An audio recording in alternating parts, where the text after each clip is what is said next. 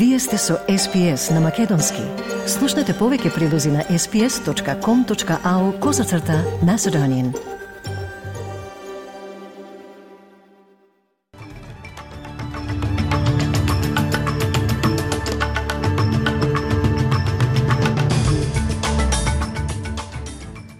Од денешниот билтен вести издвојуваме. Се очекува пензијата да игра поголема улога во пензиските заштеди. Фотографија на Доналд Трамп објавена откако поранешниот американски председател се соочи со кривична пријава во затворот во Атланта поради неговите обиди да го поништи неговиот изборен пораз во 2020 година. И високиот американски дипломат Габриел Ескобар вчера се сретна со председателот Пендаровски, а денес се среќава со премиерот Димитар Ковачевски и лидерот на ВМРО ДПМН Христијан Мицковски. Доналд Трамп зборуваше откако беше објавена негова фотографија во врска со кривичните пријави во затворот во Атланта поради неговите обиди да го поништи неговиот изборен пораз во 2020 година. На фотографијата Трамп е прикажан како е облечен во син костум и црвена вратоврска со насмевка на лицето. Тој е првиот поранешен председател на САД кој се подложи на таква а, фотографија од затвор. Зборувајќи со новинарите пред да се качи на неговиот авион, Трамп продолжи да инсистира дека неговиот изборен пораз во 2020 година бил наместен и дека тоа било демонстрација на мешање во изборите.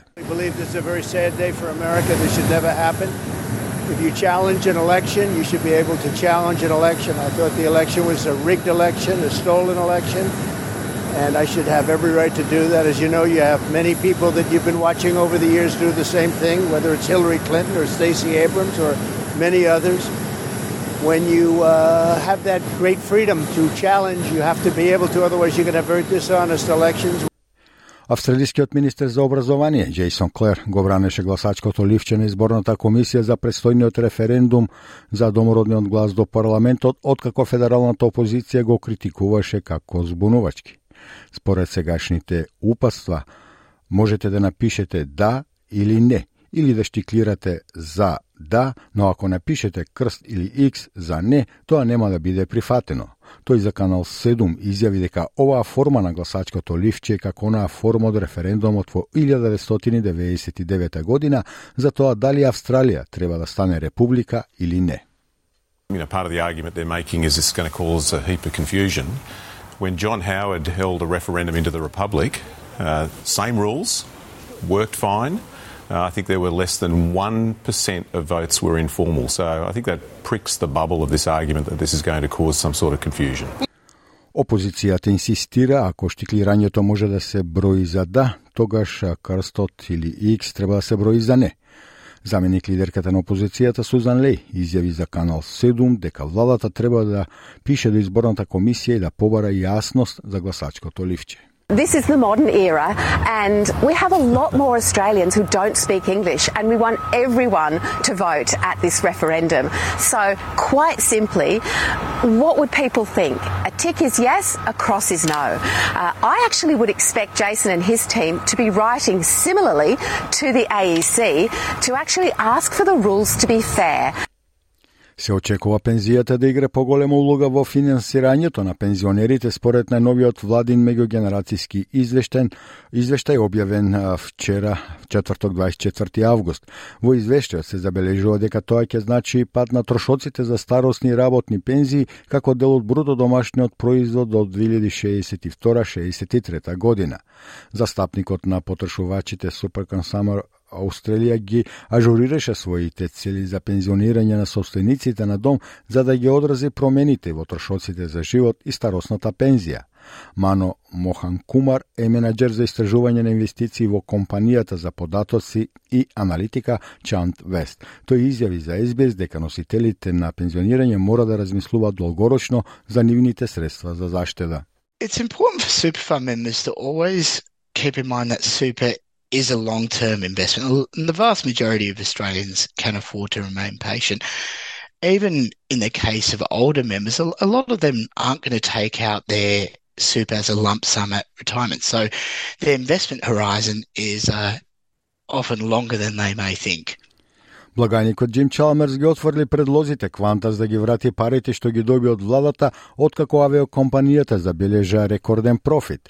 Квантас во четвртокот објави основна добивка од 2,47 милиарди долари за изминатата финансиска година во споредба со загубата од речиси 2 милиарди долари предходната година. Но авиокомпанијата е под притисок во пресрет на резултатите да ги врати парите што ги доби од федералната влада во екот на кризата со COVID-19. Квантас доби 2,7 милиарди долари од даношните обврзници за време на пандемијата, вклучително и 900 милиони долари од програмата JobKeeper. Но благајникот Джим Чаламерс рече дека профитот од Квантас покажал дека туристичката индустрија прави силно закрепнување по ковид. Во меѓувреме главниот извршен директор на авиокомпанијата Алан Джойс, рече дека средствата на JobKeeper од владата отишле кај незините вработени приватните консултанти кои протекуваат доверливи владини даночни информации или прикриваат прекршување од нивните колеги, ќе добијат казни од милион долари според новото законодавство. Промените кои вклучуваат казни до 1,1 милион долари за поединци и 5,5 милиони долари за корпорации беа усвоени во парламентот на Нов Јужен Велс на 24 август по скандалот со доверливи брифинзи за федерални даноци што ги објави поранешниот партнер на PwC. Острите казни од повеќе милиони долари ќе важат за поединци, корпорации или други организации фатени како користат или откриваат доверливи владини даношни информации. Државната влада рече дека рутински се консултирала со надворешни репрезентативни индустријски тела за даношната политика и законодавството на доверлива основа. Председателот на полицискиот синдикат на Квинсленд, Иан Ливерс, инсистира дека законските измени на владата на Квинсленд за младинскиот правен систем се витални мерки.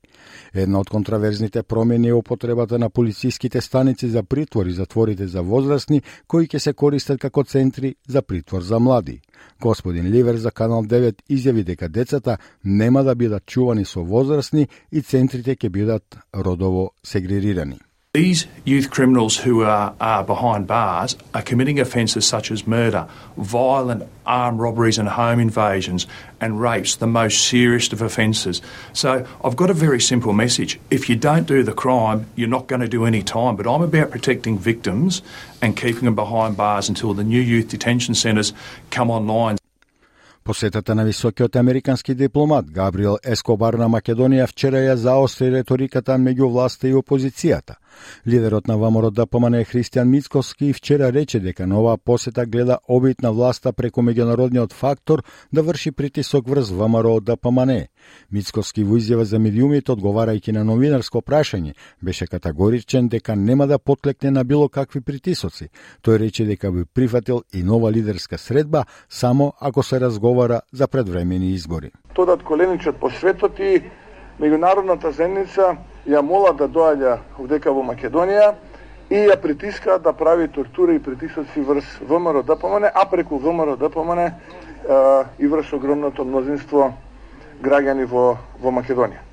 Но, а, навистина можам да ги разочарам дека а, такво нешто нема да успее.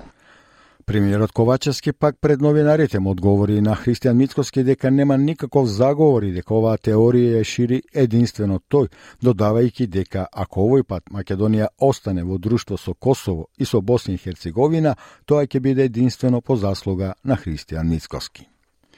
Американското Министерство за одбрана соопшти дека во моментов нема информации што укажуваат на тоа дека ракета го соборила авионот за кој се предпоставува дека го превезувал рускиот водач на платеничката војска Евгений Пригожин.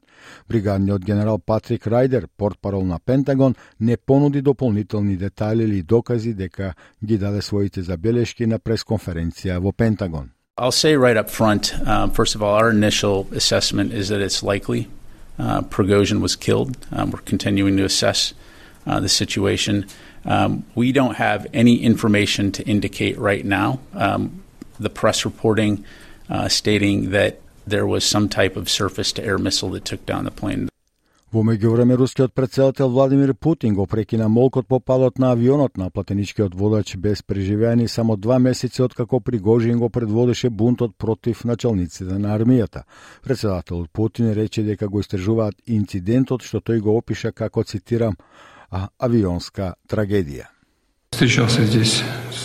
But what is absolutely clear, the head of the investigative committee reported to me this morning they've already launched a preliminary investigation into this incident, and it will be carried out in full and to the end. There is no doubt about that here. Една нова студија покажа дека заедниците со слаб пристап до услуги за ментално здравје имаат 8 пати поголема веројатност да бидат жариште за самоубиства кај младите. Самоубиството е водечка причина за смртни случаи што може да се спречат кај младите австралијци на возраст од 10 до 24 години. Линиите за помош за ментално здравје пријавија дека добиваат милиони повици секоја година од луѓе кои бараат подршка. Доктор Никол Хил ја водеше студијата која беше соработка помеѓу детски Европскиот институт Телетон, Универзитетот во Мелбурн и Училиштето за здравје на населението од Картин. Таа вели дека резултатите докажале колку се необходни услугите за подршка на менталното здравје. The key findings from this study was really that there was significantly lower access to mental health services in communities across Australia that had um, experienced suicide hotspots or what we would um, describe as having significantly greater rates of suicide in young people than what we would randomly expect.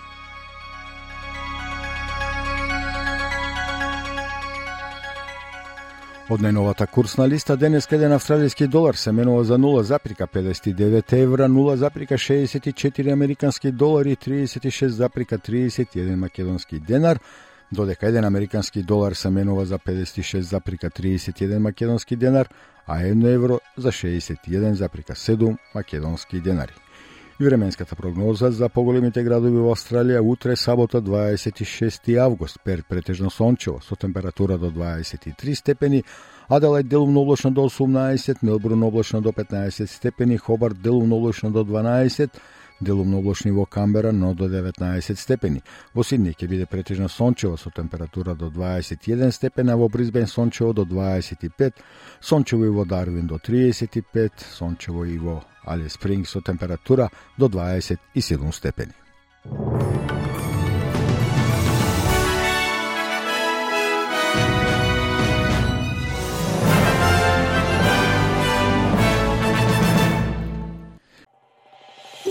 Сакате ли да чуете повеќе прилози како овој? Слушате подкаст преку Apple Podcasts, Google Podcasts, Spotify или од каде и да ги добивате вашите подкасти.